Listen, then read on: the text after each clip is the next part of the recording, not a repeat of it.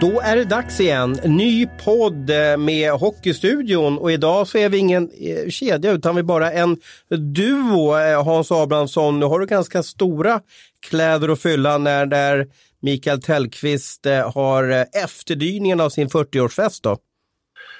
Ja, det här får vi försöka hjälpas åt med tror jag. För att gå från tre då till, till två, det är ju inte så enkelt. Så att vi, men vi ska väl försöka. Babbla är vi bra på så att det kanske funkar ändå. Vi får spela boxplay i 60 minuter. Ja, det är risk för det. Men samtidigt anfall är bästa försvar så att vi, vi, kommer, att, vi kommer att attackera. Eh, SHL har ju pågått nu i åtta dagar, nio dagar kan vi ju säga. Eh, Hockeyallsvenskan startade ju ja, egentligen i fredags vill jag ju säga. Men vad, vad är den största wow-känslan hittills? Vad är det du bara tycker, oj, det, där, det, där, det här måste jag få prata om? Det är svårt att komma runt Oskarshamn ändå. Va? Även om vi, både du och jag har varit med rätt många år nu. Vi har varit med om ganska mycket nykomlingar och nederlagstippade lag som, eh, som eh, har överraskat i inledningen och sedan haft det betydligt tuffare. Men, men vi lever i nuet och då måste jag säga att eh, Oskarshamns start eh, är den eh, stora wow-upplevelsen. Och jag vill ju påstå att eh, ja, Oskarshamn kommer med sin konsekvent hockey, om man kallar det för det, kommer att göra en okej okay säsong. Men är vi överens om att det här inte räcker till slutspel? Ja, jag har tippat Oskarshamn sist i, ja, i tabellen ja, jo, och det, står jag fast också, Men jag tänkte om ja. vi nu då på något sätt av succén här, de spöar Djurgården, eh, spöar Leksand och så vidare. Det har sett ganska bra ut här. Eh, och de har släppt in ganska få mål också. Man, går ju, man kan ju omvärdera sina tips. Ja, men du känner mig så bra så du vet att jag inte gör det. Då, då kan man ju få fel två gånger så att, eh, det är bättre att ha fel en gång i så fall. Va? Och, eh, men vad är det som gör att de vinner då? Vad är det som gör att de leder SHL just nu? Ja, just nu tycker jag väl att de har spelat den bästa hockeyn också. Jag tycker man har liksom spelat med störst energi, störst eh, glädje kan man väl säga. Bäst taktiskt, eh, haft ett otroligt bra målvaktsspel eh, och så vidare. Så att det, det är ju inte någon, någon tur och slump utan de, de, har varit, de har varit bäst, velat mest och eh, gått hårdast för det tycker jag. Um, vi fick ju då, vid vårt första avsnitt så tog vi ut Eh, vem vi trodde skulle få sparken först och jag trodde ju Håkan Norlund skulle få sparken först. Vem, tog du ut? Eh, det var Roger Melin i Leksand. Just det, tror jag. Just det. Så just mm, nu är det inte så troligt i alla fall att, att det blir så då. Nej, vi, de har väl inte stärkt sina aktier om man säger så då, för, att, för att få sparken. Definitivt inte. Så att, men äh, det är alltid svårtippat vem, vem det ska bli och sådär. Men, men vi, vi, vi, får väl se. Det, det dröjer väl några, några veckor eller någon månad till innan, innan den första tränaren får sparken. Så det hinner väl rinna en del vatten under, under broarna till dess. Men om vi diskuterar lite. Vi börjar lite med, med, med Oskarshamn här. De var ju ytterst framgångsrika med sin Panten-hockey. Är det rätt att säga Pantenhockey eller ska jag säga Skellefteåhockey eller Malmöhockey? Eller vad, ja, vad men tycker jag, tycker, jag tycker på, jag var själv döpt den till Pantenhockey en gång i tiden eller Malmöhockey. Då. Den är ju liksom, den är ju, har ju ett väldigt starkt fäste där nere med, med, med Ålund och Hallberg och, och Björn Hellkvist före det och sådär. Så, att, så att, nej, men det, det är väl ett bra uttryck tycker jag. Vem är det som kom på Pantenhockey? Jag, jag hör, hör lite olika versioner där, men om du, vem var det som satt på sin kammare där och, och sa att nu ska vi köra lite snabba inspel framför mål och anfalla i linje och, och max en pass ur egen zon och så vidare. Liksom då. Hur, hur, vem jag, var det som kom ärligt, på? Ja, jag kan ärligt säga att jag vet inte vem som är grundarkitekten till det. Men du har ju hört några olika versioner så att du kan väl eh, dra några av dem då så, så ja, får vi se det, om vi kommer fram. Det jag tror, det jag hör så är det väl Tillgren då, han som var sportchef under många år. Joakim Tillgren i, vad heter det, Panten. Oskar Alsenfeldts pappa för övrigt. De har olika mm. efternamn där men extremt lika i ansiktet.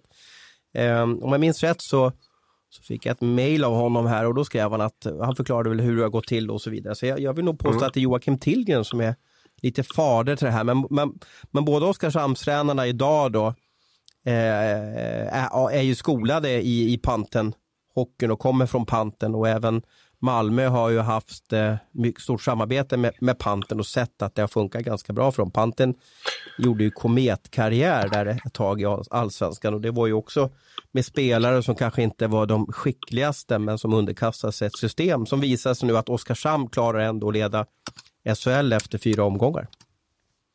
Ja, precis. Björn Hellkvist har ju också varit i Malmö där och jag har ju också en stor del i, i det där spelet som säkert har utvecklats en hel del också genom åren. Det är oftast ett levande dokument, ett spelsystem där man, där man gör justeringar och gör förändringar och, och så. Va? så att, ja, men ska nej, vi men... förklara vad, vad Oskarshamn gör så bra? Jag hävdar ju på att de är snabba ur egen zon, de anfaller nästan liksom på linje känns det som. Lite, lite som så här den här klassiska Disney-filmen Dags där när de kom, med den här Flying V.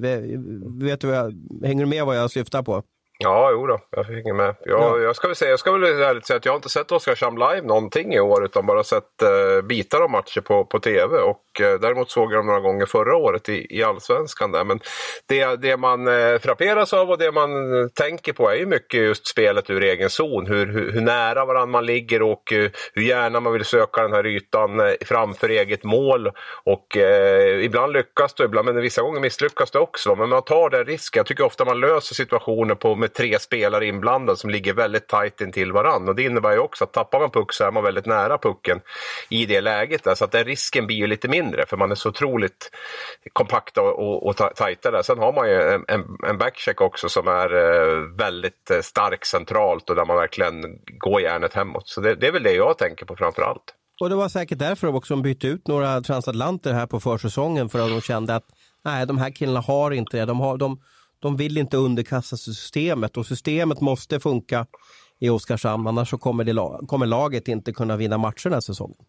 Jo, det är väl klart att det är ju lättare naturligtvis med, med, med svenska spelare på ett sådant sätt. Samtidigt har man ju, man har ju några utländska spelare där. Man har ju Tyler Keller, man har ju Simon DePress, man har ju Rock Tikar och sådär. Så att det är ju inte så att man måste vara helsvensk för att det ska, för att det ska fungera. Men, men jag tror mer att man tyckte att kvaliteten på de spelarna som man har tagit in inte var tillräckligt bra helt enkelt. Att de här spelarna kommer inte liksom att lyfta oss. De håller inte SHL-nivå. Det, det är det vi behöver ha in. För allsvenska spelare har vi redan i, i truppen. Utan vi behöver ha in spelare som, som verkligen vet vad det här handlar om och som, som kan lyfta, lyfta laget en nivå.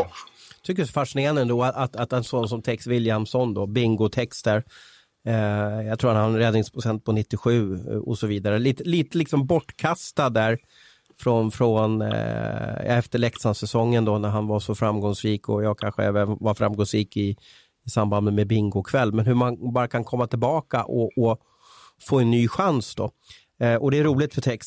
Men, men eh, hur länge räcker det här? Är det i mörka november, då kommer dalen eller vad, vad tror du om du lutar tillbaka och andas ut?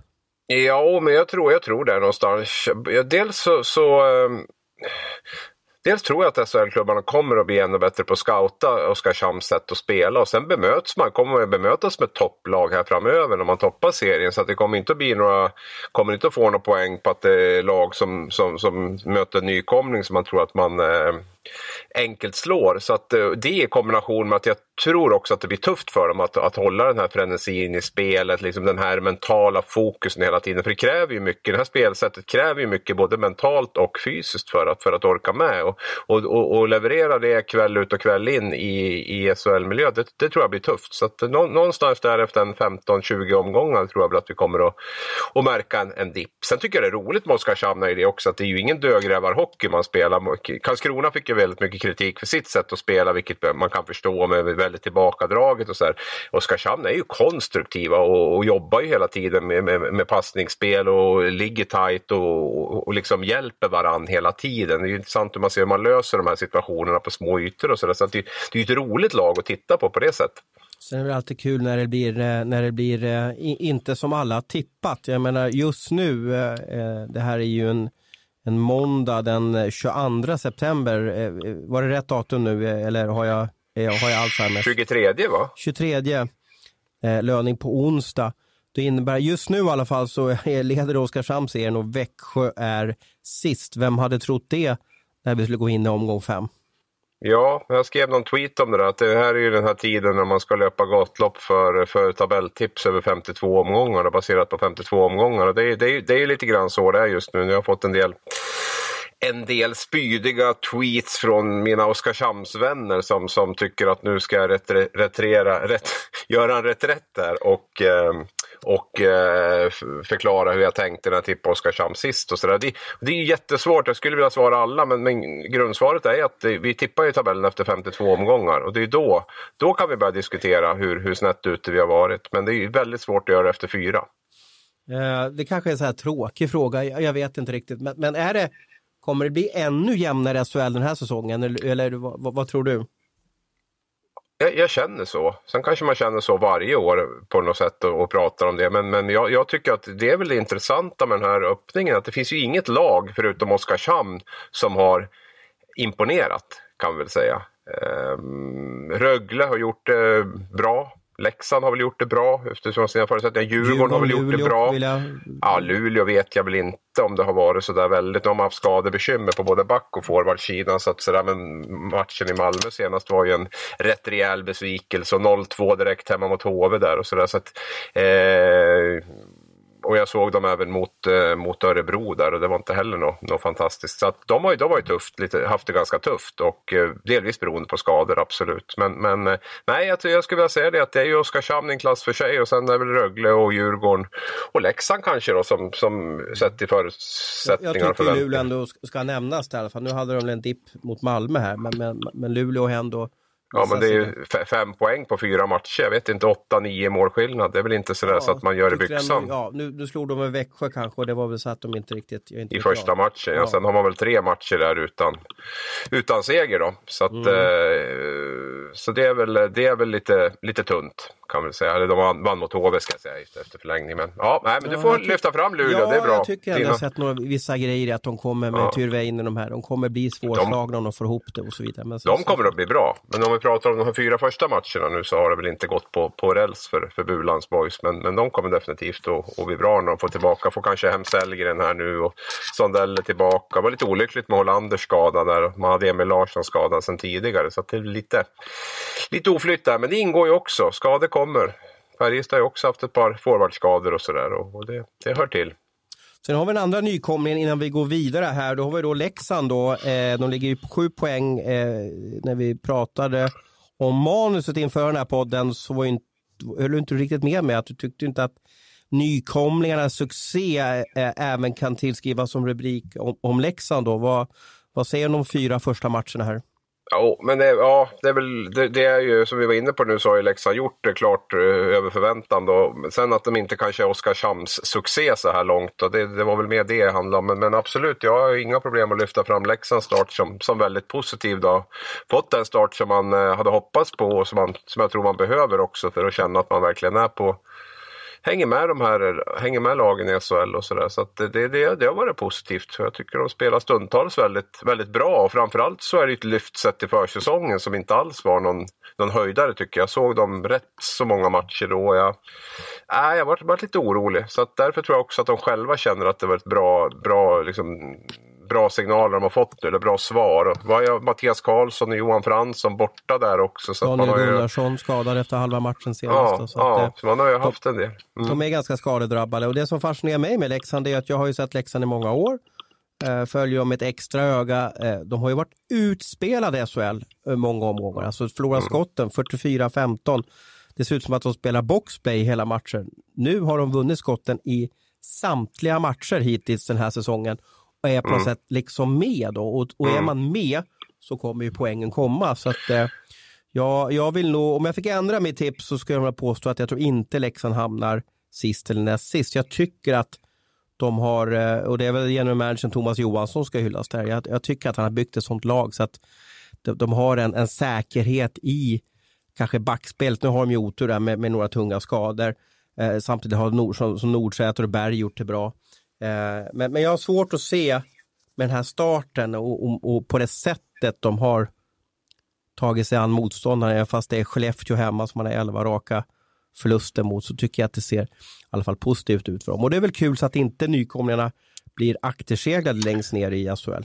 Absolut, sen har ju Leksand sparkapital också i sitt powerplay där som har ju varit ja, obefintligt kan man säga. Den här, den här veckans tre matcher så har man gjort noll mål, släppt in ett mål. Eh, så ja. man spelar 0-1 i powerplay på, på tio försök. Så det är, där Men har de powerplay-spelarna eller, eller sitter de och väntar på att Abbott ska komma den 19 oktober? Det är klart att han är viktig. Samtidigt har man ju skickliga, jag menar, man har ju lagt mycket pengar på, på, på Zachrisson där. Man har eh, plockat in Rivik, man har Ritola kvar. Nu, nu har ju backsidan varit försvagad i och med att både Fransson och, och till viss del Gunnarsson och, och Mattias Karlsson då har varit borta. Så det, har, det har väl försvårat det lite grann. Men nog, nog, tycker jag att man har försökt att värva, värva spets för att kunna vara bra även i den spelformen. Då Wenström också. Va? Så att, eh, helt klart så är Spencer Abbott en spelare som kommer att bli viktig för dem där. Men att det ska vara så dåligt utan honom, det, det är väl ändå lite förvånande. Samtidigt som att det, som jag säger, det är ett sparkapital i det där. För får man igång det ja, där så... Ja, om man får igång det. Vi, vi, mm. vi följde väl HV här för något år sedan och, och Djurgården har jag följt också på nära håll.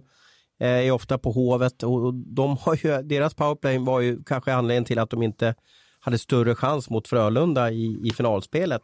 Och jag undrar hur snabbt det är när man ser sparkapital. Ja, men har de någon som kan direktskjuta exempelvis? Jag är övertygad om att en sån som Ritola kan slå en fin passning över centrallinjen. Men, men om man inte har någon som, som kan nypa direkt på andra sidan och så vidare, då, då, då, då tappar man ju lite den där kraften i, i powerplay. Ja, så, men det är ju där man har Spencer Abbott och som kommer att komma in och det vet vi alla vad han kan, kan göra både med puck, eller både passa och, och, och skjuta själv. Så det är väl, det är väl ett, en, en ypperlig spelare att, att få in då i det här mm. läget. Jag hör ju dig att du inte vill ändra ditt tips, men vilket lag av Oskarshamn och Leksand tror du har störst chans eh, att få spela någon typ av positiv serie, alltså det vill säga slutspel efter 52 omgångar? Fan, du är jobbig alltså. Den där är svår. Vi, den där är jobbig. Ja, jag vet. Förlåt, förlåt. Men den där är tuff. Men jag, jag måste väl ändå hålla fast vid mitt tips då och säga att jag tror Leksand har en större chans att, eh, att slippa spela negativt kval ändå. Um, så jag säger, att, jag säger att Leksand då på din Ja, fråga. och nu blir det ju SVT Morgonsoffa för då måste jag hålla med. Jag, jag, jag tror ju också som sagt var med, med tanke på Aha. hur matcherna sett ut hittills dit. Jag, jag vet inte om Oskarshamn kommer orka det där. Men, men, men eh, Oskarshamn har imponerat. Alltså jag, jag, tycker också, jag såg, såg och kollade på den här Djurgårdsmatchen. Då, vet, de, håller, de, de, de, de, visserligen sköt de med stolpen några gånger i Djurgården där, men det, äh, det, det, de har gjort det bra. Och sen är det nog precis som han sa, den där klubbdirektören, nu tappade jag namnet på han. Eh, Stolt, heter han så eller? Sportchefen heter Daniel Stolt vet jag. Sen är det väl Åker Åkerberg eller något sånt här, tror jag Just klubbdirektören ja. heter. Det var klubbdirektören som blev intervjuad där och han sa att det skulle vara jobbigt att åka på den här E22 eh, söderut. Och det tror jag ja. många lag har. Jag tror att många lag har svårt att ta sig dit. Eh, Djurgården tror jag åkte buss eh, ner dit va? och det, det är nog tufft för dem. Sen det låter som ett ilandsproblem att säga att oj, det är tufft att åka buss fyra timmar eller fem timmar. Men, men eh, ja. om man åkt den här sträckan någon gång så är man, man, man eh, jublar ju inte av lycka. Nej, samtidigt så tror jag nog att Oskarshamns spel är ett större problem för motståndarna än, än, än den där bussresan. De, de, de, de, har ju verkligen eh, spelat bra också så, att, eh, så vi ska nog inte liksom förminska deras prestation med, med att det är jobbigt att åka till Oskarshamn. Det är väl inte så kul att sitta och åka till Leksand heller för vissa lag. Liksom och så. Så det är väl, eller, jag eller vad det nu kan helheten när man kommer, kommer dit också. Det är en ganska liten arena, det är, det är inte så jättestora plats, mycket platser och så vidare, ganska trånga omklädningsrum och så vidare. Va? Så att, eh, jag tror också en helheten kan göra att det känns som att var har vi kommit någonstans? Absolut, samtidigt har ju Oskarshamn vunnit mot Rögle borta då, som, som den enda förlusten Rögle har. Om man tog poäng mot Skellefteå borta med ett lite vassare målvaktsspel där så hade man nog vunnit även premiären mot Skellefteå. Alltså det är ju inte direkt att man, man är dålig på bortaplan heller. Utan det, nej, jag tycker de har gjort det fantastiskt bra. Ja du Abris, du, du hör ju hemma i Gävle och vilken oerhörd snackis som basunerades ut här i, i var det i torsdags eller fredags som, som eh, de kallade till presskonferens eh, eh, Brynäs? I torsdags berättade vi, i torsdags kväll berättade vi att Gavlerinken inte skulle leva vidare som, som arenanamn och i fredags hade Brynäs sin presskonferens då, där man presenterade det nya namnet. Och det innebär alltså att Gavlerinken då, eh, det hette ju Läkerol Arena under några år där, byter namn till rätta mig om jag har fel nu, Monitor ERP Arena. Ja, det var klockrent. Ja. Var, ja. Eh, säger man så då? Sa du så till frugan när du ska upp på matchen lördags? Ja, nu åker jag på Hockey Monitor ERP Arena. Nej, jag gör inte det. Vet. Jag är ju sådär gammeldags. Jag, är ju faktiskt, jag har ju sprungit i de där korridorerna sedan mitten på 70-talet. Så jag tar mig friheten att säga Gavlerinken ändå faktiskt. Men det, eh, hur ska man se på det här? Ehm, man kan ju tycka att det är lite tråkigt att ett sånt klassiskt arenanamn försvinner. Eh, samtidigt kan man ju se att det är roligt att eh, Brynäs kan värva en, en jätteskicklig AHL-spelare här mitten av säsongen för den penningen man får in. Och, och sedan sist så måste man väl tokhylla marknadsansvarig på Monitor ERP. Vi sitter ju och babblar om det här också. Ehm, som har gått in med de här pengarna. Uh, vilken del tycker du är mest intressant i hela? Pengadelen, eller att det byts namn eller att vi ska hylla uh, det här bolaget från, är de från Hudiksvall eller Härnösand? Hudiksvall. Hudiksvall. Har väl varit starka inom hockeyn där i Hudiksvall också, division 1-laget där ja, som har haft det ganska bra de, de ekonomiskt. Ju, ja, ja, ja, jag hör att de ligger på löner på 30-40 tusen i den här division 1-klubben, att de är helproffs där uppe. Ja, precis. Så att de har varit inne i hockeyn tidigare och sådär. Eh, jag svaret på din fråga, jag är ju inte förvånad över att eh, cashen styr och cashen ska komma in. Det, det, det, är liksom, det, är väl bara, det finns väl inte många som, som fortfarande tror på, på, på något annat. Så, att, eh, så på så sätt så är jag väl inte förvånad över att det här händer. Brynäs har ju gått i bräschen lite grann med den här rena dräkten då och, eh, och liksom velat stått ut lite grann från övriga klubbar och till och med pikat andra klubbar för att de har så mycket reklam på sina dräkter som inte de har. Eh, nu är det här två olika saker, men jag kan väl tycka om man nu skulle eh, jag tycker att det är motsägelsefullt också. Ena, ena ja. sidan säger man, titta vilka fina, vi gillar det gamla, det klassiska. Och så en tjong slår man till med det mest bisarra arenanamnet genom tiderna i svensk hockey. Ja, hade jag fått prata med till punkt så hade jag varit precis ungefär det jag var inne på att komma till och säga. Men det kanske tog lite för lång tid för mig att komma, komma till skott. Eh, så det var väl precis så jag, jag, kände och där var jag väl lite förvånad att man ändå inte gjorde en variant där man behöll Gavlerinken, kanske Monitor Gavlerinken Arena till exempel. Då, så hade man ju kanske fått in cashen eh, och även behållit sin värdighet då, till viss del. Nu det här ERP kanske man hade kunnat vara utan och kört Monitor och, eh, och Gavlerinken då i, i en kombo. Så hade man kunnat förena den bästa av två världar. Men eh, nu är inte jag marknadsansvarig för varken Monitor eller Brynäs så att jag eh, vet ju inte exakt hur alla turer har gått. Men det kan jag väl säga att det förvånade mig lite för det hade väl varit en, en, en bra med Quality sleep is essential for boosting energy, recovery and well-being. So, take your sleep to the next level with Sleep Number. With a Sleep Number smart bed, you can individualize your comfort level and enjoy a better sleep night after night. JD Power ranks Sleep Number number 1 in customer satisfaction with mattresses purchased in-store. And now the Queen Sleep Number C4 smart bed is only $1,599, a saving of $300 only for a limited time. For JD Power 2023 award information, visit jdpower.com/awards. Only at Sleep Number stores or sleepnumber.com. Väg. Uh, jag hörde siffran 5 miljoner per år i namnrättighet. Är det någonting som du kan vidimera? Nej, det kan jag inte. Jag läste också siffran men jag har inte, inte riktigt koll på om det, om det handlar om så pass, pass mycket. om du ganska... vore liksom då Dakell eller, eller, eller den som är klubbdirektör för Brynäs, då, vad tycker du att det skulle vara värt att sälja ut kanske det finaste arenanamnet i Sverige? Ja, det, det, krävs nog ganska mycket pengar. Jag skulle kunna tänka mig att en siffra där någonstans skulle vara, just för att ta bort Gavlerinken helt, så, så, skulle jag nog vilja, vilja ligga där uppe. Det som är intressant är också att tittar man på personalkostnader utanför spelartruppen så låg väl Brynäs i topp här på, mm, på mm. Eh, Ernst Youngs eh, Exakt. sammanställning. Här. Så det, de har ju många direktörer där nu så att det gäller väl att cashen kommer in så att det går att, att betala löner. Det är ju klubbdirektör och det är eh, hållbarhetsdirektör och det är sportdirektör och det, så, så det är mycket. Damsektionen har ökat också va? Ja absolut, så de behöver väl få in pengarna där. Nej men på din fråga så, så eh, så skulle jag väl kunna tycka att det kan vara en, en, en rimlig siffra, även om det är väldigt mycket pengar. Då. Men, men äh, arenanamnet är ju en, en, en, fin plattform att visa sig, visa sig på, har jag förstått. Så det, det, det är väl säkert åt det hållet i alla fall, om, även det, om det kanske inte är fullt så mycket. Det stormade ju ganska mycket, eh, lite överallt, eh, när det här arenanamnet blev offentligt. Hur var det att kolla på den här matchen? Eh, kändes de som jobbar på Brynäs IF, där jag kan tänka mig att du hejar på lite folk, vart de lite förnärmade för att det var så negativ publicitet runt eh, försäljningen av namnet? Eh, det tror jag faktiskt inte. Jag utgår från att man ändå är så pass eh, nära verkligheten så att man inser att ett byte från Gavlerinken till, eh, till Monitor ERP Arena ändå skakar om till viss del i, i Gävle, i en arena som sen, lever sedan 67 och som har upplevt en hel del klassisk ishockey. Så att det, det utgår jag faktiskt från att man, att man har förståelse för. Jag kan väl tycka att eh, det kanske var, de ska vara glada att det inte blev värre än vad det var. För det är väl, och det är väl det att cashen ska in. Man pratar ju om att vi får välja på det här och, och inte, eller inte vara med och kämpa om SM-guldet och då, då blir det väl kanske lättare för fansen att, eh, att köpa det också på något sätt. Då. Så kanske inte så lätt att sälja arenanamn. Um, jag de, tror de nog att det är flesta ganska arenor lätt. idag har ju, har ju uh, sålt sin namnrättighet. Eh, Globen heter ju faktiskt, om vi ska vara helt ärliga, Ericsson Globe Arena. Nu tror jag inte så många säger Ericsson Globe Arena, utan man säger Globen.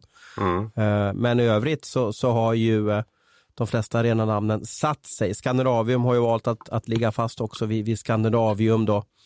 Eh, men i övrigt så, om jag tänker lite snabbt i mitt huvud, så har ju de flesta arenorna bytt namn då från ja, Leksands Isstadion till, till Kera, från, från Mora till Jallas Arena, från från Rosenlundshallen till Kinnarps och så vidare. Jag kan ju liksom rabbla arenanamn till, till eh, oändlighet. Men, men innan vi avrundar här så måste jag ju tokhylla de här Monitor ERP Arena i alla fall. För jag undrar om de i sin vildaste fantasi kunde tänka på att, att deras bolag skulle gå från att, ja, jag vet inte om det var någon utanför Hudiksvall som, som visste vilka de var, till att få ett tokgenomslag inom hockeyn. Alla om man säger Monitor RP om man är en normal hockeyintresserad hajar ju till. Aha, just det, de som sponsrar Brynäs eller någonting. Utan de, de, det värdet de har fått av den här stormen går ju inte att räkna i pengar.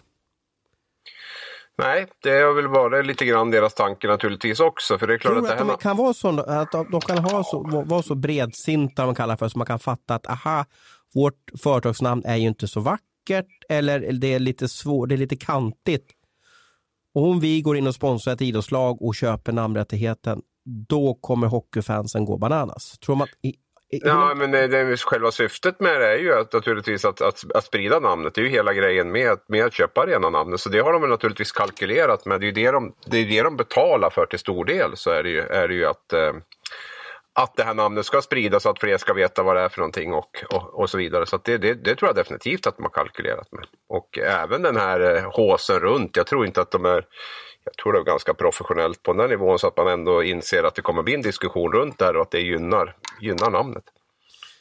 Uh, jag har ju en förkärl förkärlek till USA och jag älskar arenor. När jag är på semester någonstans så brukar jag åka till den närmsta arenan, försöker ta mig in och, och på något sätt insupa miljön. Jag, det spelar ingen roll om det är baseball eller eh, fotboll eller amerikansk fotboll eller, eller vad det är. Jag, jag har en fetisch för eh, arenor och, och, med det har det ju kommit det här att jag under ett tag var fantastiskt duktig på att kunna alla arenanamn då i både baseball och amerikansk fotboll. Nu har jag släppt det tyvärr. Alltså det, jag har blivit äldre och fått andra intressen. Men under den här tiden när jag var så fascinerad av det här så lärde jag mig det här att Ska man exempelvis in på en amerikansk marknad så är det fruktansvärt smart att köpa ett arenanamn. Exempelvis Ericsson, tror jag hade eh, Jacksonville Jaguars arena ett tag som hette Ericsson Arena. Och det var väl ingenting vi i Sverige, vi fattade här, nu var det här på Ericssons liksom lite glansperiod för 10-15 år sedan kanske då. Eh, men då var ju det bästa sättet, om, om de vill bli större i Nordamerika, köp en, eller köp en arena i en av de stora idrotterna. För då kommer ditt namn nämnas eh, frekvent och så vidare. Så att om man ska följa den marknadsföringsskolan så har ju Monitor ERP gjort det helt rätt. Vilket är det fulaste arenanamnet du vet då? Ja, eh, det är ju närheten av, av där du sitter idag då. Jag skulle nog påstå att det är Borr och Tång Arena. Kan du bakgrunden, du, du, som, du som bor i närområdet där? Var, var det Sandviken eller Valbo eller var någonstans? Ja, var det före Bäckström-arenan i Valbo? Ja, eller? I, före Nick Back Arena ja. Ja, just det, den har jag förträngt. Ja, den är ju och Tång Arena, det var en lokal, eh, lokal tandläkare som jag förstår det, som, som eh, gick väldigt bra antar jag. Uh, många hål där. Och var det ja. i Sandviken eller Valbo? Eller vad var Nej, Valbo då, det var ju, det var ju, det är Nickback numera va? Ja. Eh, Niklas Bäckström som har köpt rättigheterna. Han kanske tyckte som du att det där borr och tång inte skulle finnas på hans, eh, den ishall där han en gång i tiden började spela hockey. Så det var väl, det var väl bra att han gjorde mm. det. Sen vill jag nämna en till också och det är det här jobbing.com. Eh, det var ju då, eh, på den tiden hette det Phoenix Coyotes, de heter ju Arizona Coyotes idag. Deras hemmaarena i NHL. Eh, ofta är det ju så i Nordamerika, där, där byter ju arenorna namn, alltså hela tiden. Det är helt galet att hålla reda på det här. Eh, Madison Square Garden är väl ett av de här klassiska namnen som fortfarande är kvar. Men igen, om ni har lite tid, gå in på NHL och, och, och så kollar ni vad alla arena namn heter där. Då kanske man får en liten annan distans till vad som händer i Gävle, eller vad som hände i Gävle i alla fall i torsdags och fredags. Ja, metall, metallåtervinningen arena är nog faktiskt mitt, mitt översta på den där listan. Det var väl... Vad är, det? Är det en, är det en skrot, skrotsamlare som har köpt eller vad är det för något? Eller? Ja, det är väl återvinna metall. Okej. Okay. Ja, okay. det är väl sån där uh, recycling som vi håller jag, på med. Jag, jag ser framför mig, du, vad, är det någonstans? Är inte det närheten ja, dig också? Eller? Äh, Almtuna. Men jag ja, vet Almtuna. inte, har de tagit tillbaka Gränby där igen nu? Jag är lite ja, fundersam på det. Men jag ser framför mig när du kommer ja, och ska här... köpa sk skrotdelar till din bil hos den här killen då. Hur han lyfter upp hela din bil, din nya, har du inte en Volvo eller vad har du för något? Jo, Han jo, lyfter precis. upp din, din eh, nya Volvo med en stark sån här magnet, du vet, tänk till Bondfilmer och Beck-filmer och så bara trycker han ner bilen.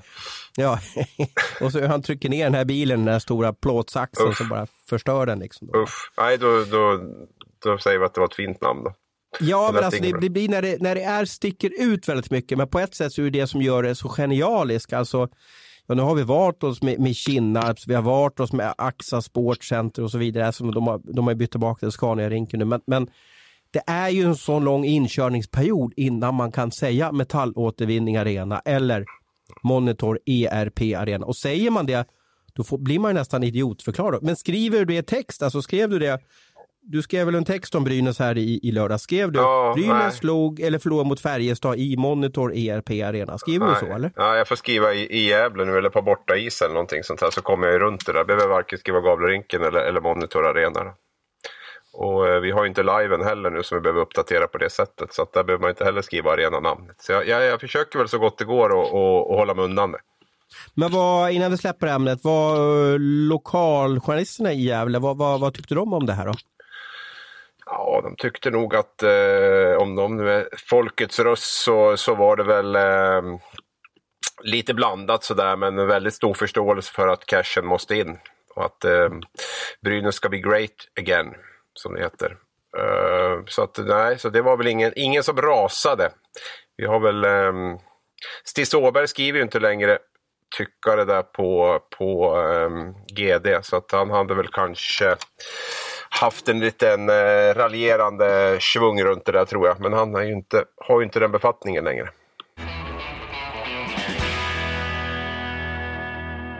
Vi flyger vidare till nästa ämne och ett lag som har gått eh, hepp kräftgång i SHL och även genomfört en kräftskiva i SHL är ju Växjö Lakers och det här vart också en diskussion om är det rätt att locka hockeypublik via kräftskivor? Vad, vad, vad, vad säger du som, som eh, är eh, entusiasmerande kräftälskare och eh, också en hockeytyckare? Ja, jag är ju faktiskt det. Det visste du inte, men det chansar du på. Det är jag. Ja, jag gillar jag både chansar. hockey och kräftor. Jo, men att, du gillar ju fisk och gillar man fisk så brukar man gilla kräftor. det är din logik. Ja, eh, ja nej, eh, ja, det saknas ju inte ämnen att diskutera i alla fall. Det är högt och lågt när man, när man eh, skriver om hockey på, på Sportbladet. Där. Allt från eh, spelsystem till kräftskivor. Då. Eh, ja, vad ska man tycka om det? Det jag förstår att folk reagerade mot var väl att man tyckte att eh, kräftskivan tog lite för mycket plats i annonsen kontra matchen. Att det kändes som att kräftskivan var the thing och eh, matchen var en liten biprodukt till det. Och det, det kan man väl ha åsikter om, eh, var liksom gränsen går. Jag har väl inget problem med att folk käkar buffé på, på matcherna. Sen om det är skaldjur eller om det är tacos eller om det är eh, pasta eller hamburgerbuffé eller vad det än är, det, det, spelar väl mindre roll. Jag kan förstå vissa delar av kritiken att, att man eh, kunde kanske ha, att det tog över lite grann från, från själva matchen och eh, händelsen med det. Eh, samtidigt så är det väl varje klubbs val kan jag tycka att, eh, att göra precis som man vill. Och Eh, sen har vi väl, eh, finns det ju väldigt olika sätt att, att driva klubbarna i SHL. Eh, där, där många, vissa lagsupportrar är väldigt måna om den här kärnverksamheten och där det inte ska hända någonting annat än, än själva hockeyn. Medan andra, oftast lite nyare klubbar då, provar lite och testar lite nya grepp. Växjö har ju också en ja, vad ska jag säga, en vikande publiktrend som man, som man behöver jobba med och, eh, och det här är väl en del i det. Samtidigt vet jag också att samtidigt som Växjö har lite sviktande publiksiffror så har man också väldigt, väldigt bra inkomster i samband med, i sina restauranger i samband med matcherna där. Så att, eh, för dem kanske inte antalet åskådare är helt avgörande för, för intäkterna utan det kanske handlar mer om hur mycket de som är där handlar för. Och eh, då tänker man kanske lite på ett annat sätt. Men eh, jag vet inte om det blev något klokare. Men jag, jag ja, men lite. Det, det, det är väl förstärka vad du säger det också att vi har ju förmånen eller fördel att åka runt i, i Hockeysverige. Uh, och vi ser ju alla arenor och vi tar intryck av alla arenor och, och det är väl självklart att, att ser man Luleå på ett sätt eller Djurgården som är två av de här mest hardcore styrda klubbarna och så jämför man det kanske med Växjö, kanske lite Oskarshamn också. Örebro och så vidare. lite grann kanske också. Ja, precis. Alltså Växjö för mig, Växjö för mig och Luleå, de två klubbarna står helt alltså längst ifrån varandra. Eh, mm. men, men, men Växjö måste ju hyllas för, för att de kan ju ta 450 spänn, kom hit och, och, och, och få en planksteg och kolla på match och så mm. pröjsar folk 500, jag vet inte hur många kan fylla sin restaurang med. De har ju fullt hela tiden i sin restaurang. Mm. Det är ju den, jag tror man förbokar en plats i deras restaurang om jag minns rätt också. Mm. Eh, och det är ett galet tryck där är det. Eh, och sen kan de på vissa matcher, om du kommer ihåg att de hade ju väldigt svårt att sälja biljetter till sin, de hamnade ju play-in förra året, kommer du ihåg det? Ja, absolut. Ja, ja och då stängde ja. de restaurangen för då hann de inte öppna Nej. den bara för de kände att de ville ha fullt här så att säga. Så att det, är också, det handlar ju om ekonomi och där tycker jag Växjö ändå gör det rätt. Eh, och om man bara ser på att de liksom får in sjuka pengar här som jag tror varenda ekonomidirektör i hela SHL är, är jätteavundsjuka på. Ja, Sen, sen, finns det väl alltid balansgång. Det kan nog både du och jag känna att vi, det finns ju en fara i att man hamnar för långt ifrån själva, själva grund, grund... Eh, jag ska inte säga produkten nu för det blir fel, men, men själva eh, alltså det som är kärnan i, i allting. Och det, det där är alltid en balansgång. För jag tror inte att man bara... Man måste också ha saker runt kärnan för att det ska, 2019 ska fungera och, och få dit en bred publik. Men, men var exakt den där gränsen går, den, den är ju lite svår svårbedömd och det är liksom lite grann också upp till vilken klubb det handlar om. Jag tror att gränserna ser annorlunda ut i Luleå kontra i Växjö. Och måste mm. få göra det och det är väl olikhet vi vill ha. Vi, vi har väl varit lite emot det här strömlinjeformade som, har, som var på väg in i SHL ett tag. Så jag tycker, det, jag tycker det är kul att det finns olikhet. Jag tycker det är bra. Jag, tycker att man, jag tror man kan lära av varandra, och både positiva och negativa saker. Dra lärdom av. De har ju som, eh, om, om ni som lyssnar inte har varit i, i, i Vida Arena så har de ju som någon en loungevåning där med, med, med lite loungemusik. Det är lite speciell belysning, lite orange belysning, lite sådär, äh, lite nattklubbskänsla. Och där kan man alltså gå runt och gå, ta en drink, säkert ta, ta en, en äh, räkcocktail där om man ville det. Samtidigt de hade den här äh, kräftaftonen och jag har sett flera olika temakvällar de har haft där. Uh, och, och det, det, är, det är mysigt, jag måste säga det i alla fall. Det blir en speciell atmosfär och det är en lyxig atmosfär. Jag vet till exempel Djurgården, de har ju sin VIP-våning på kortsidan ovanför där ismaskinen går ut och sen ska de som är VIP-gäster till, till anrika Djurgården de ska betala x antal hundra kronor för en pyttipanna och så får de se matchen från kortsidan och skottnätet framför sig. Bara jämför där, när du går och mysa i Vida Arena och, och se en match från kortsidan eh, eh, så långt ifrån klacken som möjligt och så vidare. Det, det, är, det finns många klubbar som inte alls har de här ytorna som Växjö har att sälja på. Ja, jag pratade med Anders Öhman om det där gång i tiden och han, han var ju en sån här, innan han kom in, alltså Växjö starke man som var både ordförande och klubbdirektör där tidigare. Han sa ju att liksom han, han älskade ju att ställa till med fest liksom, innan han kom in i Växjö också, anordna fester och, liksom, och det vill han ta med sig in i Växjö, att det skulle vara fast gånger hundra då, liksom, att det blir en stor, som en stor, gå på en stor, stor baluns eller en stor fest. Liksom, så skulle åskådarna kännas när de kom till, till arenan. Och, ja, och, och, och, och går din fru på några matcher? Vad sa du? I Gävle. Går din fru på några matcher i Gävle? Om? Går din fru på några matcher i Gävle? Ja, det är sparsamt. Hon är ja, inte, hon är inte. Om hon fick den här festkänslan, skulle hon ja. gå på matcherna då tror du? ja.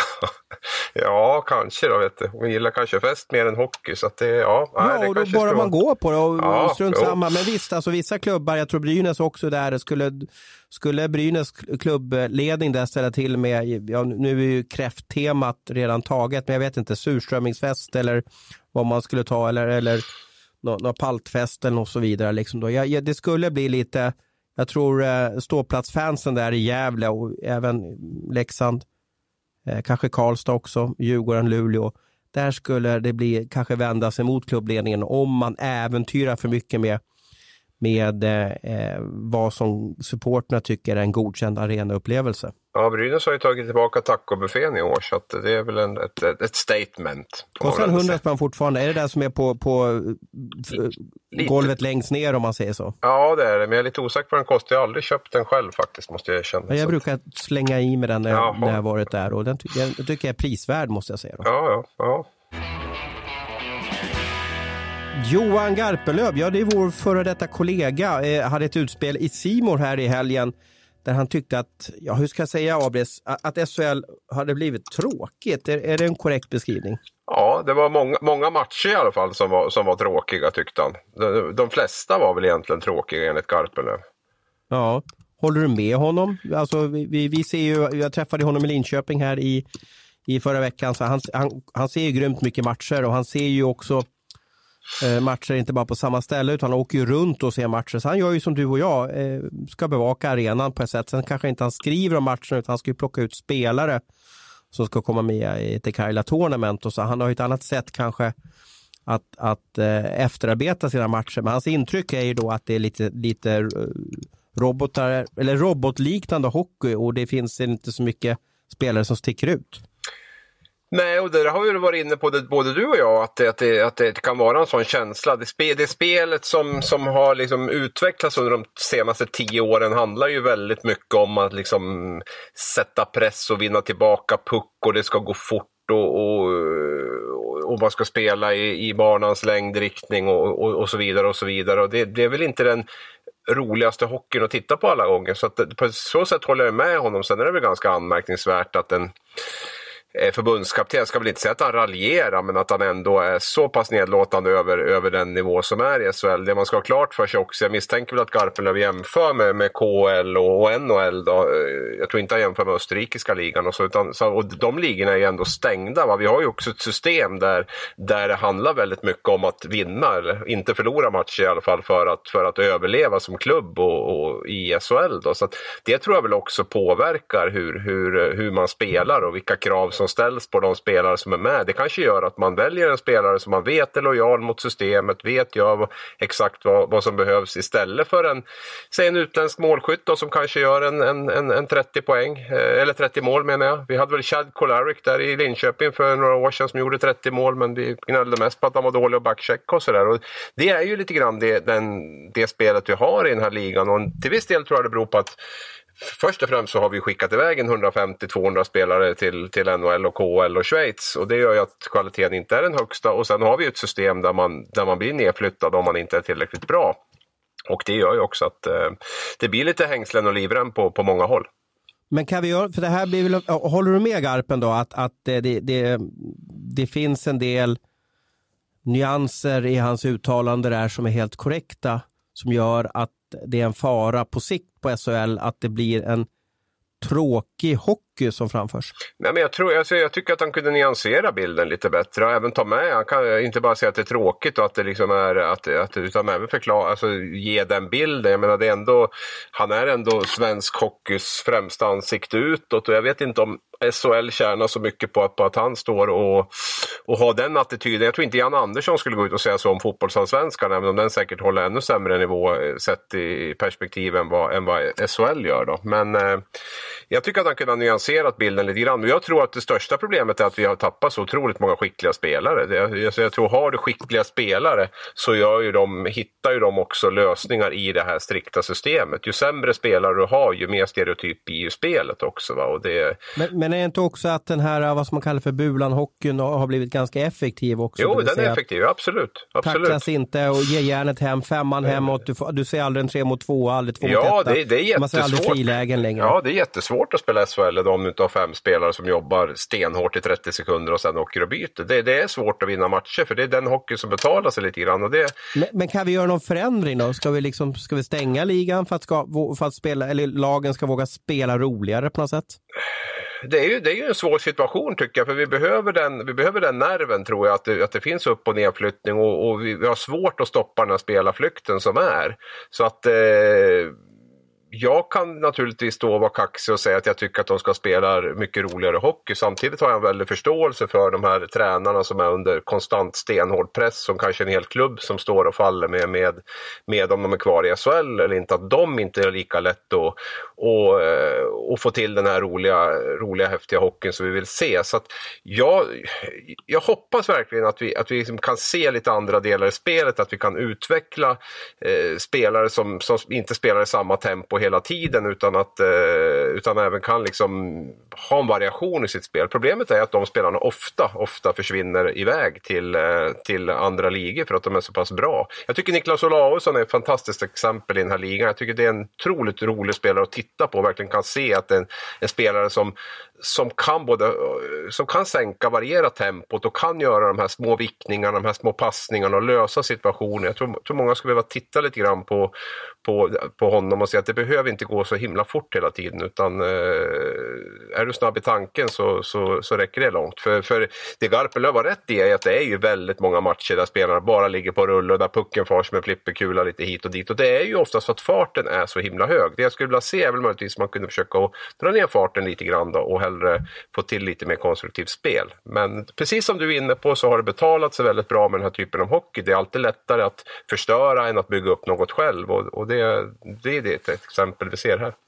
Och det är en av de roligaste matcherna jag såg förra säsongen. Eh, eh det var ju faktiskt finalen i Champions Hockey League eh, mellan eh, eh, tyska laget ja, eh, München, va? München och Frölunda. Mm. För att München, de, de hade en del skickliga spelare, en del transatlanter som gjorde en del flippassningar, men de tappade puck i mittzon ibland. Ja, du vet, det var händelser, det, var, det var, fanns en dynamik i matchen som inte jag var van med. Alltså det är inte ofta man ser en svensk spelare tappa puck utan det, det är ju liksom... Nej. Och blir, tappar han puck så blir han uppläxad och då, nästa gång så kommer han chippa ut eller så kommer de göra någon annan sak och så vidare som är mer korrekt enligt tränaren. Eh, eh, men när jag såg den här finalen så hajade jag till hur många händelser det blev, hur många oväntade målchanser och då började jag fundera på varför, varför tycker jag den här matchen är så kul? Nu var det ju fullsatt och lite sådär ompa-ompa stämning i, i Skandinavium eh, och kanske blev jag lurad av den. Men, men själva matchbilden med, med händelserna fram och tillbaka fascinerade mig hur, hur det kunde bli så öppet spel. Och, och, och då var det även en final. Om det är någon gång som två lag borde, eller ja, jag tror Frölunda spelar ju sitt vanliga spel och så vidare. Va? Men, men, men motståndarna där, de, de spelar precis som de gjorde kanske i tyska ligan. Och ja, det var inte så noggrant kanske med, med hur man förde ut pucken ur egen zon. De, de bjöd till i alla fall. Ja, och det, jag tror att en förklaring också tror jag är att den här stereotypa bilden i Sverige med tränare, alltså alla, det är bara svenska tränare i SHL i stort sett. Vi har Abbott i, i Rögle, men han känns ju snudd på, på svensk. Liksom där. Och sen tror jag i övrigt så tror jag att vi har bara, bara svenska tränare. Vi tycker att NHL är liksom så här eh, restriktiva och försiktiga mot att ta in utländska tränare, men, men vi har ju samma sak. Och det, det du säger, pratar om München nu, när man möter utländska lag så är det en annan kultur, ett annat sätt att spela. Och det, det har vi ju inte riktigt i, i SHL på det sättet utan det är, det är samma typ av tränare i de allra flesta lagen.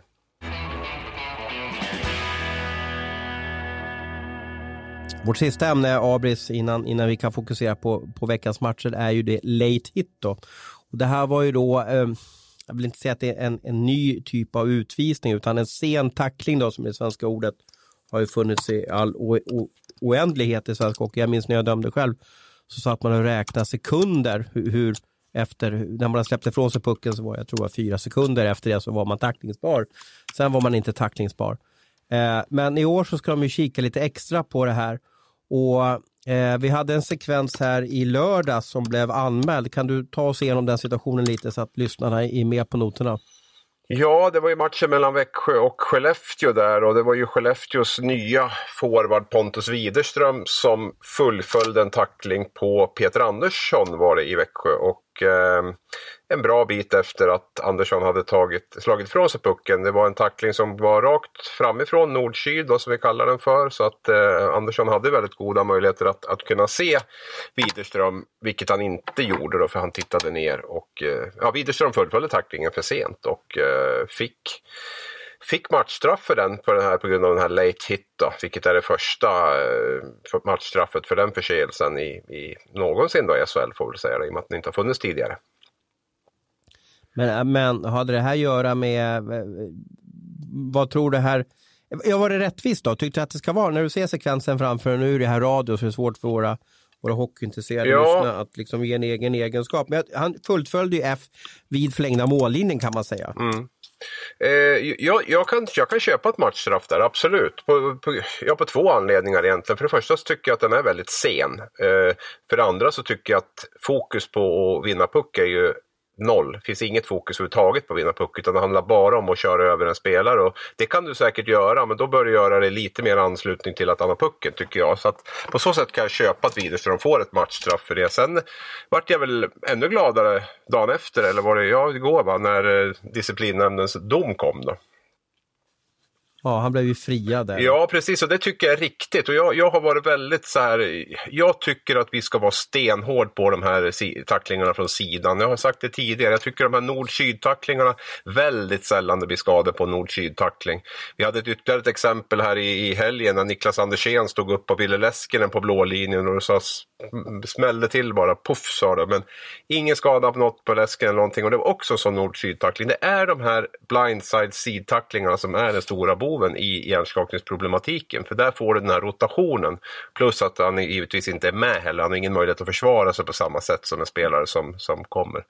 Eh, så det, det jag skulle säga är att Peter Andersson har ett ansvar där. Han möter en spelare som kommer rakt emot honom. Han måste vara beredd att kunna försvara sig, att kunna liksom flytta på sig eller göra någonting. Och eh, därför tycker jag också att det är rätt av disciplinnämnden att inte gå vidare med det. Jättebra beslut. Men skulle det vara ett matchstraff då? Ja, du? men det var som jag sa att det kan jag köpa på två anledningar. Och det var det ena var att jag tycker att han kommer in alldeles för sent och jag tycker att fokus på pucken är noll. Och då, då kan jag köpa att han får en matchstraff. Och det, sen kan man diskutera, man kan, man kan säkert sätta en två minuter också på det. Men jag, jag, jag, jag, jag eh, har inga jättestarka reaktioner mot det. Utan jag tycker att det kan jag köpa. Och jag tycker... Han är förmodligen tillsagd. Han är ju en fysisk spelare så han är Ja. förmodligen tillsagd Ja, men jag, jag att, säger, alltså, att, du, får, att du, du, du kan gå in och proppa motståndare, absolut, om du och skita i pucken. Men då måste Måste du göra det i anslutning till att han i alla fall har pucken. Annars är du ute på djupt vatten och riskerar den här typen av... av eh, och jag, jag också, samma sak som jag är emot de här blindside-tacklingarna så är jag också för att titta lite grann på vad är syftet med tacklingen. Jag tycker vi måste hamna där någonstans ändå att det inte bara är idag att man ska åka in och, och sänka motståndare utan det måste finnas ett uppsåt att vilja vinna puck också. Det tycker jag ska vara en förmildrande omständighet eller en försvårande omständighet i det. I och med att vi har den farten och det, de skydden vi har idag så tycker jag att man ska väga in den aspekten mer i det. Att, att man verkligen går för att, för att vinna pucken och inte släcka motståndare. Men det också, hans, hans syfte här är väl också att, att om det var Peter, Andersson- Peter Andersson att tackla, Mm så är väl också att eh, eh berätta för Peter att eh, eh, håll koll på var, var du är på banan för det kommer smälla. Ja, absolut. Och det är ju en del i hockeyn och det är ju, har ju funnits i urminnes tider att man, man, vill, man vill skrämma eller sätta lite press på backarna och då vet det, nästa gång de får pucken så ska de känna lite stress. Kommer han igen den där? Kommer han liksom att, att tackla mig igen nu? Och det kan innebära att nästa pass blir han ännu mer stressad och, och, och skickar iväg det. Va? Så att det, det, det köper jag, men du kan inte komma så där sent och bara med ett syfte att, att eh, att släcka motståndaren eller att tackla motståndaren, tycker jag. Så därför kan jag, kan jag köpa domarnas beslut där, som de tog. Jag frågade ju domarna, eh, om du har Torsbänken, jag frågade när är det late hit och så säger jag, men det, man, man räknar ju inte längre utan det är väl en ryggradskänsla där från domarna. Vi får se hur de kommer klara av att fullfölja den där, för de där bedömningarna, när domarna ska göra olika bedömningar, tyvärr så kan, kommer det bli diskussioner Men det- all evighet. Men när jag tittar på den reprisen så ser jag inte någon som helst tillstymmelse till att Widerström har någon tanke på att försöka vinna puck. Utan det är bara, bara att gå fram och, och sätta in den tacklingen. Ja, Och ja. det... Förmodligen har han ju fått order att, att göra det, så att säga. Fullfölj. Mm. Ja, jo, det är ju en sån spelare så det är klart att han gör det. Men, men eh, de spelarna får nog tänka sig för lite mer. Att de är lite, li, läser situationerna lite bättre och eh, kommer i lite närmare anslutning till att pucken lämnar bladet. Ja. Ja, bra tugg, det var lite tacklingssnack ändå. Och nu har vi faktiskt kört 60 minuter utan att prata om eh, målvakter. Ja, vilken, vilken, vilken tillfällighet att inte Tellan var med idag då va? Precis. Det berodde precis, på det. Precis. Men håll ut, nästa vecka så är han tillbaka i poddstudion och då tackar eh, jag och Abris eh, för oss den här veckan och jättekul att ni kunde lyssna på oss.